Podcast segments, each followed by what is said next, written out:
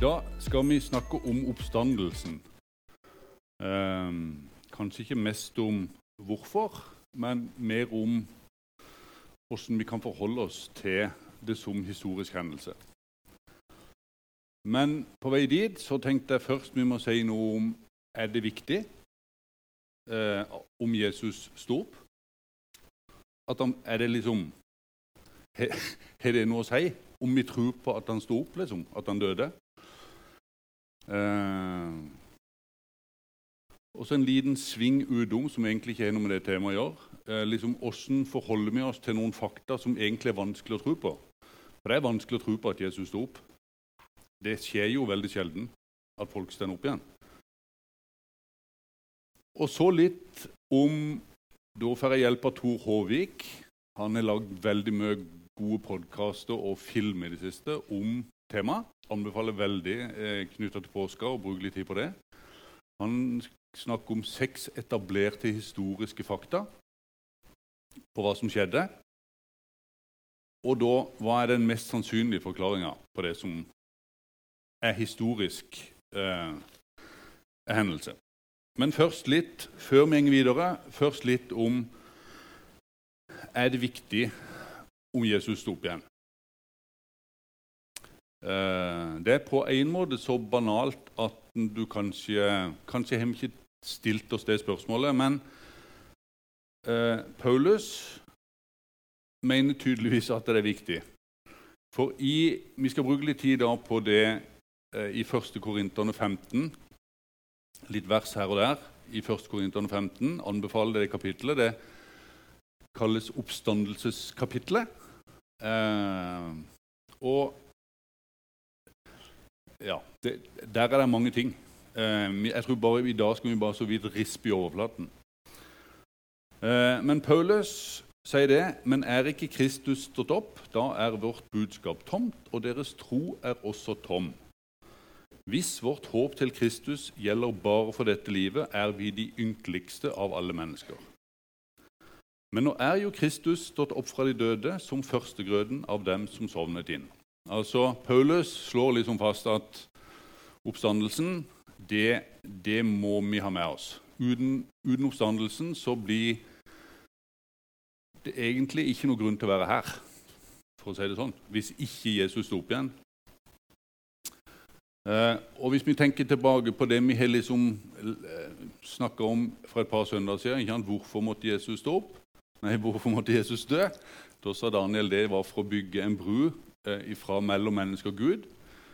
Forrige søndag så slo Kristian fast at Jesus var død. For det har jeg måttet grunne litt på fram mot dette. For for at det skal gi mening å snakke om en oppstandelse, så må han være ordentlig død.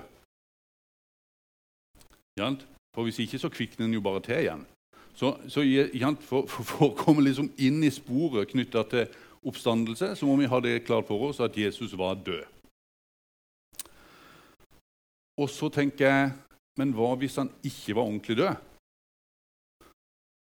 Eh, at han bare kvikna til igjen på en måte etter opp, såkalt oppstandelsen, da kan vi i hvert fall være sikre på at han er helt død nå. Og Det er en kjip konklusjon. Så, for, for, hvis Jesus ikke lever nå, så er det jo veldig vanskelig å, da, da, blir jo alt dette meningsløst. Og for at han skal leve nå, så må han liksom, det må ha skjedd noe. Da må han dødd og stått opp igjen for at han skal kunne leve nå. Så går det an å tenke at ja, men det er jo andre som er vekt opp fra de døde, f.eks. Lasarus. Han, han, var død og ble vekt opp igjen. Eh, men ut fra det vi vet, så er Lasarus død nå. Han ble vekt opp igjen til det samme livet han hadde. Altså Den samme Lasarus, det samme kjøtt og blod, og han måtte vaske opp og skrelle poteter. og i det hele tatt. Han, nå er Lasarus død, eh, men det som fortelles i Bibelen, at Jesus sto opp igjen, og han er ikke død. Og Det som da blir resultatet av dette, tenker jeg, det er at hvis vi tror på dette, så må vi på en eller annen måte forholde oss til det. Um, og Da er vi snart over på andre kapittel. Altså, hvordan forholder vi oss til fakta eller ting som er vanskelig å tro på? Eh, og Jeg har et par eksempler som er litt sånn litt dumme. Eh, på ting som er vanskelig å tro på. Men av og til en må liksom gå ned og, og kutte litt til beinet. For eh, jeg tror det er sånn at faktum som gjør at vi må forholde oss til det på en aktiv måte, som kanskje ok, Hvis dette er sant, da må vi. Det er vanskeligere å tro på enn fakta som er vanskelig å tro på, men det har ikke noe å si om det er sant eller ikke. Da kan vi liksom tro på det uten egentlig å forholde oss til det. Det skal jeg prøve å se litt om. Uh, det er mye i naturen for eksempel, som er vanskelig å tro på. Hvis jeg sier at uh, av og til så observerer de kanskje oppimot en million stær som flyr rundt, og ingen vet helt hvorfor de gjør det, og de flyr som i en organisme, så er det litt vanskelig å tro på. Men det er litt lettere å tro på hvis vi ser på det. Jeg syns det her er helt eh, Hvem bestemmer, liksom? Nå skal vi den veien. Ja? Ja. De sier at hver stær inni denne flokken her, den forholder seg til de syv rundt dem. Ja, kult. Da skjønner jeg det jo. Da, men hvem bestemmer her? Veldig vanskelig. Det, det, dette er vanskelig å tro på, men vi ser det jo. Om det er 100 000 eller 900 000, det klarer vi ikke å telle. Men vi ser at dette er ganske fantastisk. Dette, jeg, dette syns jeg er et naturens under. Hva er det de driver med? Det vet vi ikke. Um, jeg er litt i tvil om den skal bare gå der, eller om den forstyrrer seg. Men dette ja, altså, Hvis jeg bare hadde fortalt det, at jeg kom hjem fra en tur og bare fortalte det Nei, Det var ikke akkurat en million, det var kanskje noen hundre, men en million så en. Men det er litt lettere å tro at det kan, dette kan være noen hundre tusen stær som oppfører seg sånn. Så når vi har sett det, ja, da er det litt lettere å tro på. Skal jeg se om jeg klarer å stoppe den. Det klarte jeg. Det klarte jeg ikke.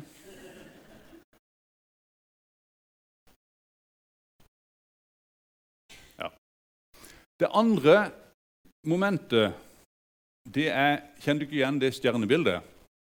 Det er Karlsvogna. Og den pila oppe øverst der, den peker på det som heter Nordstjerna, eller Stella Polaris. Den stjerna der, den eh, i hermetegn, den eneste stjerna jeg klarer å finne på himmelen. Og Da bruker jeg Karlsvogna for å finne ut hvor den stjerna er hen. Men poenget her er egentlig eh, lyshastigheten. Eh, lysets hastighet flytt, altså Lyset flytter seg med 300 000 km i sekundet. Eh, rundt jorda er det 42 40 000 km. Så lyset går altså syv ganger rundt jorda på ett sekund. Det, det, er fort. Og Så leser vi om stjernene og så leser vi om lysår. Okay, lysår ja. Ja, Det er den distansen lyset gjenger på et år. Ja.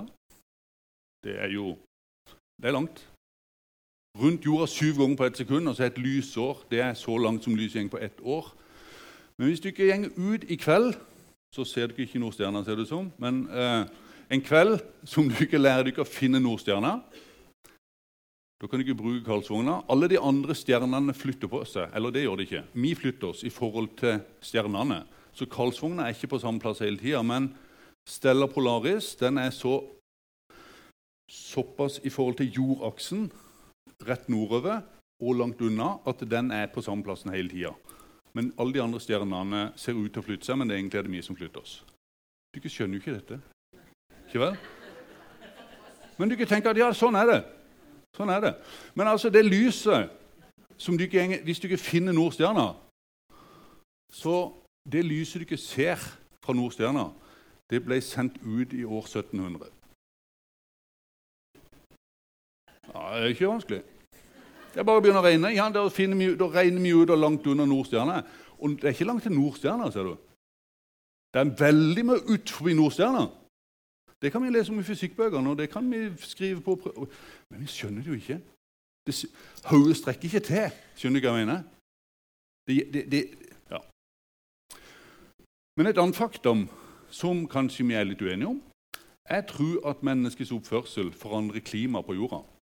Jeg tror vi pumper og brenner for mye olje og gass, så jeg tror vi forandrer klimaet på jorda. Det er litt rart, men oljeindustrien tror ikke på det. Ups.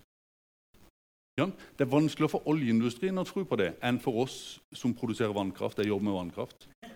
Ja. Ja, Oljeindustrien de må forandre oppførsel hvis de tror på det. Men vi kan bruke det som salgsargument. Da er det mye lettere for oss å tro på. Altså, Det er mye lettere å forholde seg til utrolige fakta som ikke betyr noe for åssen vi må oppføre oss. Om det er 300 eller 17 minutter til den nordstjerna, så det er jo samme det. Hvis den er i nord, så er det det. Ja. Hvis ikke du ikke skjønte hva jeg mente, så var dette et avsporing. Men eh, så er det Hvis vi har noe utrolig vi har lyst til å fortelle om, så tenkte jeg hva, hva er det mest utrolige som har skjedd i Vennesla de siste 25 årene? Jeg vet ikke om det er det mest utrolige, men det er ikke langt unna. Altså, det, det er nesten det er, det er, egentlig I går slo Spania Norge 3-0, og så lot vi som vi overraska. Altså, hallo. Det er jo helt opplagt at Spania slår Norge. ikke vel? Hvis Norge hadde slått Spania 3-0, så hadde det vært på samme nivå. Men For dette var jo en kamp som betydde noe. Men det, det, er vanskelig å tro på. det, ikke sant? Men dette er jo ikke vanskelig for dere å tro på, for jeg har jo bilder av det. Jeg kan jo slå opp i aviser, Men tenk dere for anslagsvis 2000 år siden, hvis jeg skulle fortalt noe ja, om noe utrolig. Kanskje jeg hadde skrevet det sånn. Det er Sveins krønike. Jeg kunngjør for dere det resultat jeg selv var med og opplevde. Gjennom det kan dere bli i godt humør og kan forhåpentligvis bruke nyheten til å fatte mot når dere er slitne og leie. Utover det er det slett ikke viktig, det som skjedde. Men Vindbert slo altså Start 4-0. Jeg var der, men hvis du ikke, ikke tror meg, så kan du ikke snakke med Oddvar Omdal. Han var der òg sammen med over 500 andre. Noen av de som var der, er nok døde. Men mange av de som Oddvar var der sammen med, lever fortsatt, og de kan fortelle om det som skjedde. Ikke vel? Ikke vel? Oddvar var der, Erik var der, Rune og de var. Ole Petter. Bare snakk med dem. Det er ti år siden. Det kan hende de glemte, det kan hende de hallusinerte, det kan hende det bare er tull. Ja? Men de var der, og hvis ikke du tror på meg, så snakk med dem. Ok? Hva sier du?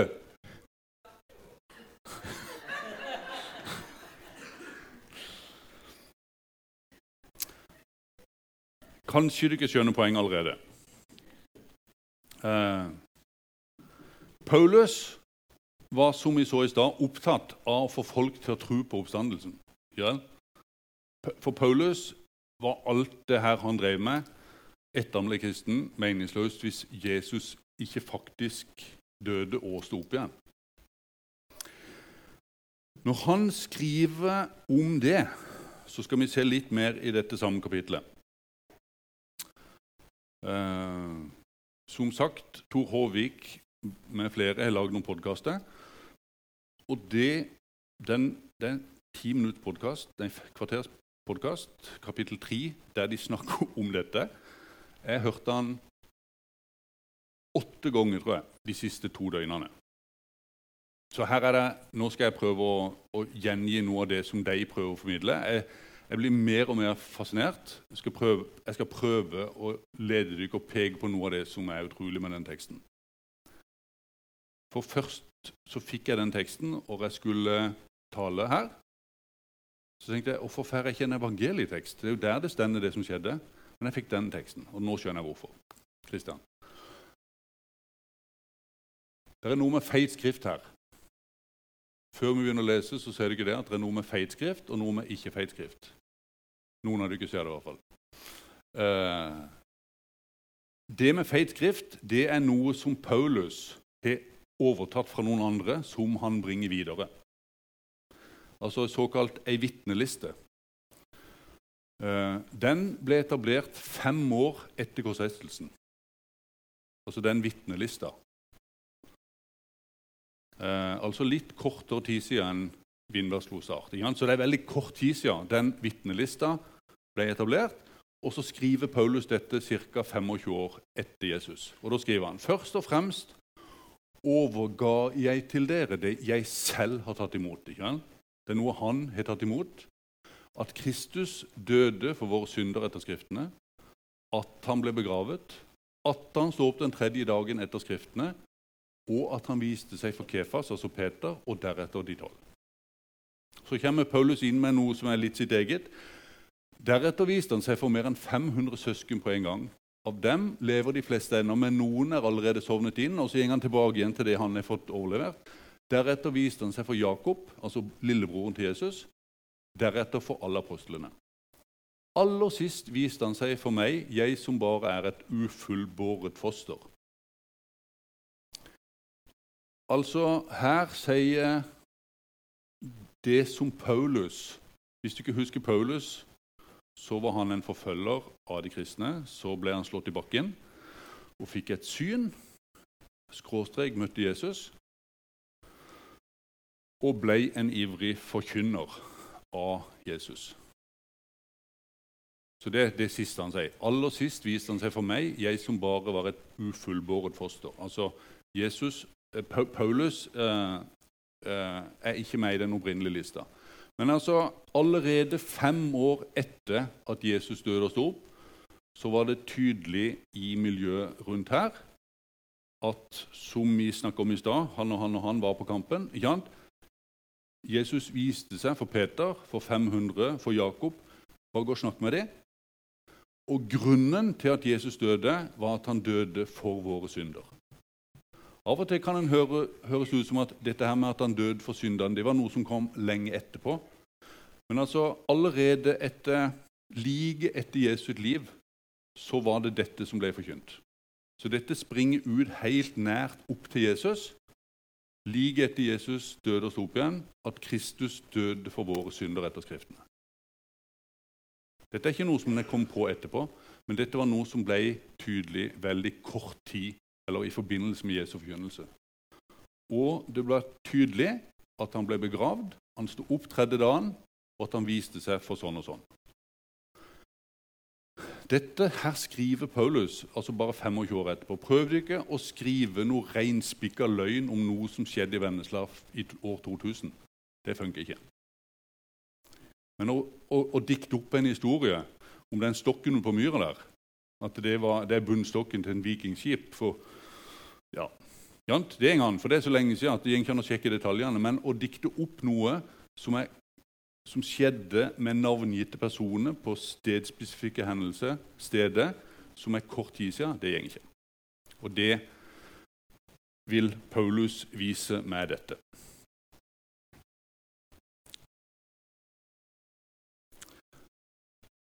Men hva er det som skjedde? Da må vi til evangeliene. Og så har jeg vært litt spent på om jeg klarte å lese det sjøl. Eh, litt dumt å skal vi se. For det at hva var det på en måte den dagen når det skjedde, når Jesus sto opp igjen? Det har vi lest mange ganger, men jeg tror vi leser dette. Tidlig om morgenen den første dagen i uken, mens det ennå var mørkt, kommer Maria Magdalena til graven. Da ser hun at steinen foran graven er tatt bort. Hun løper av sted og kommer til Simon Peter og den andre disippelen, han som Jesus hadde kjær, og hun sier, de har tatt Herren bort fra graven, og vi vet ikke hvor de har lagt ham. Da dro Peter og den andre disiplene ut og kom til graven. De løp sammen, men den andre disippelen løp fortere enn Peter og kom først. Han bøyde seg fram og så linklærne ligge der, men gikk ikke inn i graven. Simon Peter kom nå etter, og han gikk inn. Han så linklærne som lå der, og tørkleet som Jesus hadde hatt over hodet. Det lå ikke sammen med linklærne, men sammenrullet på et sted for seg selv. Da gikk den andre disippelen også inn, han som var kommet først til graven. Han så og trodde. Fram til da hadde de ikke forstått det Skriften sier, at han måtte stå opp fra de døde. For Jesus snakka om det før døden at han skulle dø, han skulle stå opp igjen etter tre dager. Det, og her, altså, her kommer de til grava. Maria henter dem, springer inn, grava er tom. Og så Fram til da hadde de ikke forstått det. Men ser du ikke siste setninga? Disiplene gikk så hjem. Ja, de gikk hjem. Altså Hvis en leser litt seinere, så ser det jo faktisk ut som Peter begynte å fiske igjen. Jeg er godt med i båten, gutter. Han har visst stått opp. Altså, poenget mitt det, Dette var ikke opplagt for disiplene heller å tro på. Dette brukte disiplene tid på å fordøye. De var blitt undervist om det i forkant. De kom til grava, grava var tom. De trodde, og de gikk hjem. På en måte de gikk hjem og fiska. Merkelige greier. Hallo! Han var jo stått opp! Men egentlig er det ikke så rart. Det er noe med eh, Du har jo allerede glemt hvor mange lys og til Nordstjerna. på en måte. Altså, det er det, Vi må ha litt tid på å Det må synke inn litt. Det virker som at det måtte synke inn litt hos disiplene. Dette her var utrolig vanskelig å tro på. Men det var for meg. Jeg snakka om Tor Håvik. Eh, han har skrevet masteroppgave om oppstandelsen. Eh, og ut ifra liksom en sånn allmenn historisk tilnærming ikke vel? Hvis du ikke leser om Cæsar Du ikke lurer ikke på om det er sant. Du regner jo med at historikerne har kontroll på det.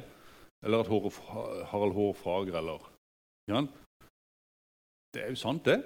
Vet, historikerne vet dette.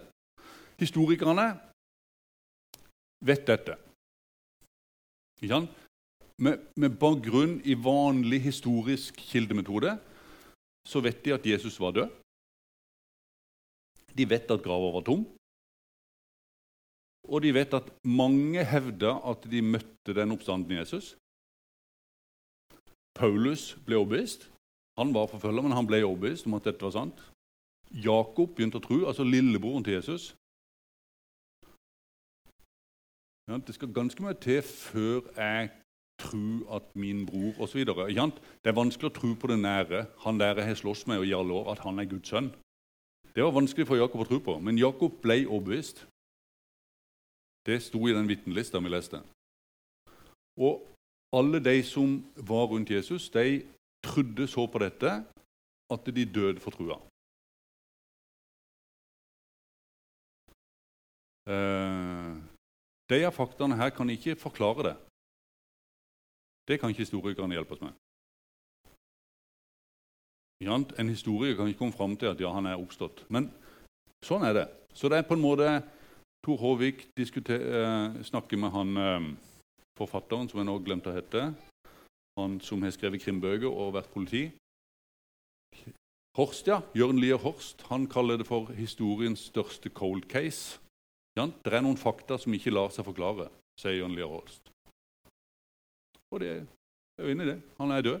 Så treffer de han etterpå. Det er jo egentlig umulig. Og så er det egentlig umulig at det er 323 lysår til Nordstjerna òg, syns jeg. I mitt hode er det òg umulig. Men eh, sånn er det.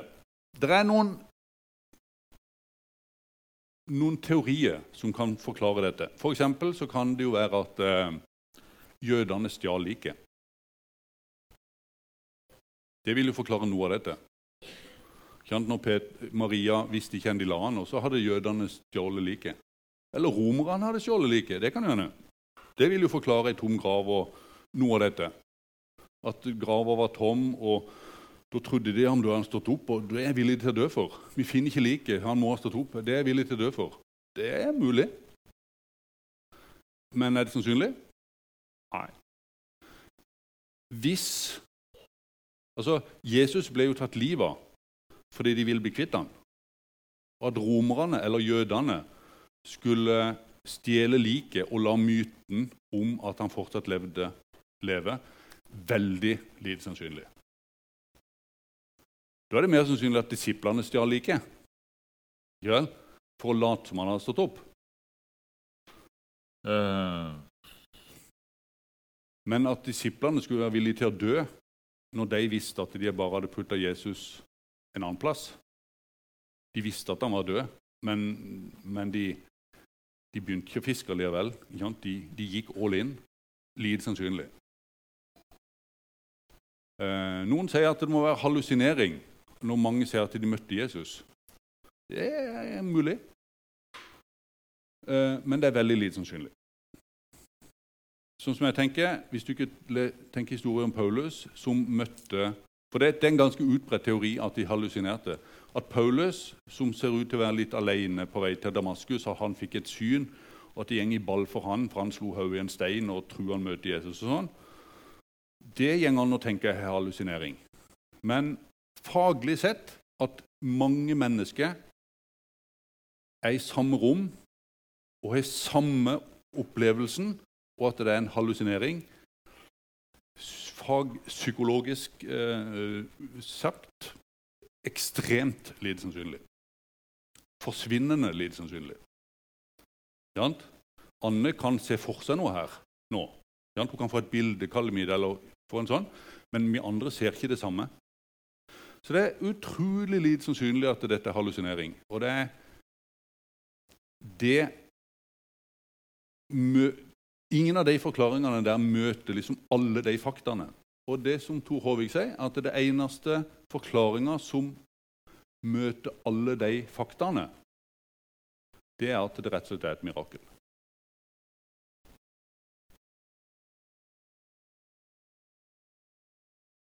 Dere klarer ikke å finne en forklaring. Dette er seks fakta. I en rettssak må du forklare alle faktaene. Hvis forklaringa di ikke dekker alle faktaene, så har du ikke en sak. Den eneste forklaringa som møter de seks faktaene, det er at det er et mirakel.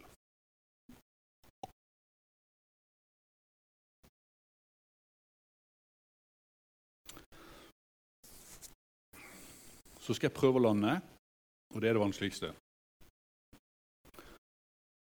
For vi snakka om at noe er vanskelig å tro på, men hvis ikke det har noe å bety for livet vårt, så er det ikke så vanskelig å tro på. Hvis det har noe å bety for livet vårt, så er det vanskeligere å tro på. Og Da blir jo spørsmålet hva betyr dette for livet vårt? Hva betyr det egentlig for oss?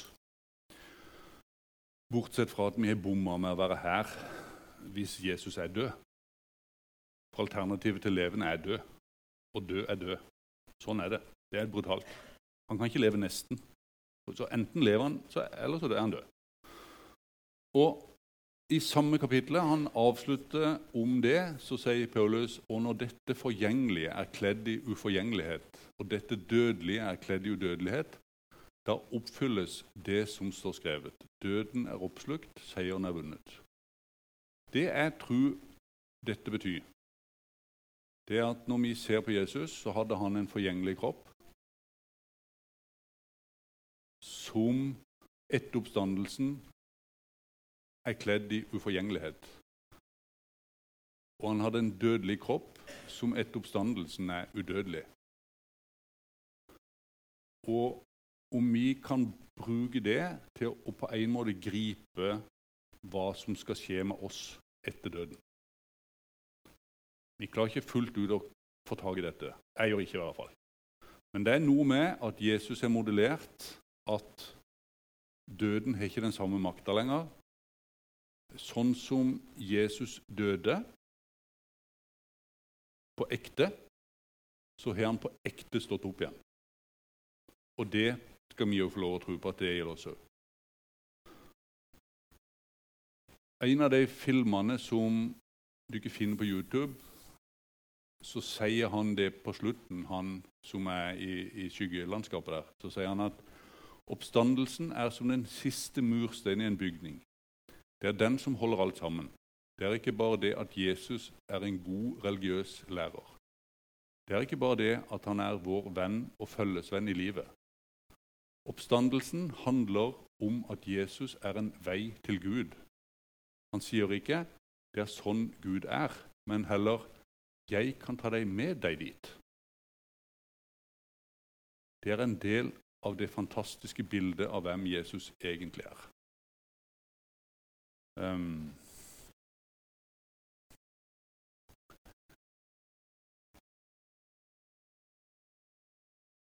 så hva betyr dette for meg?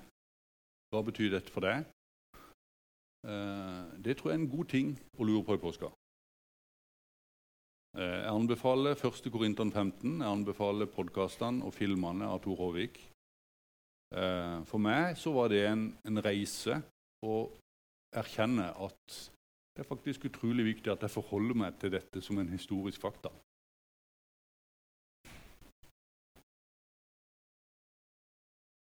Amen.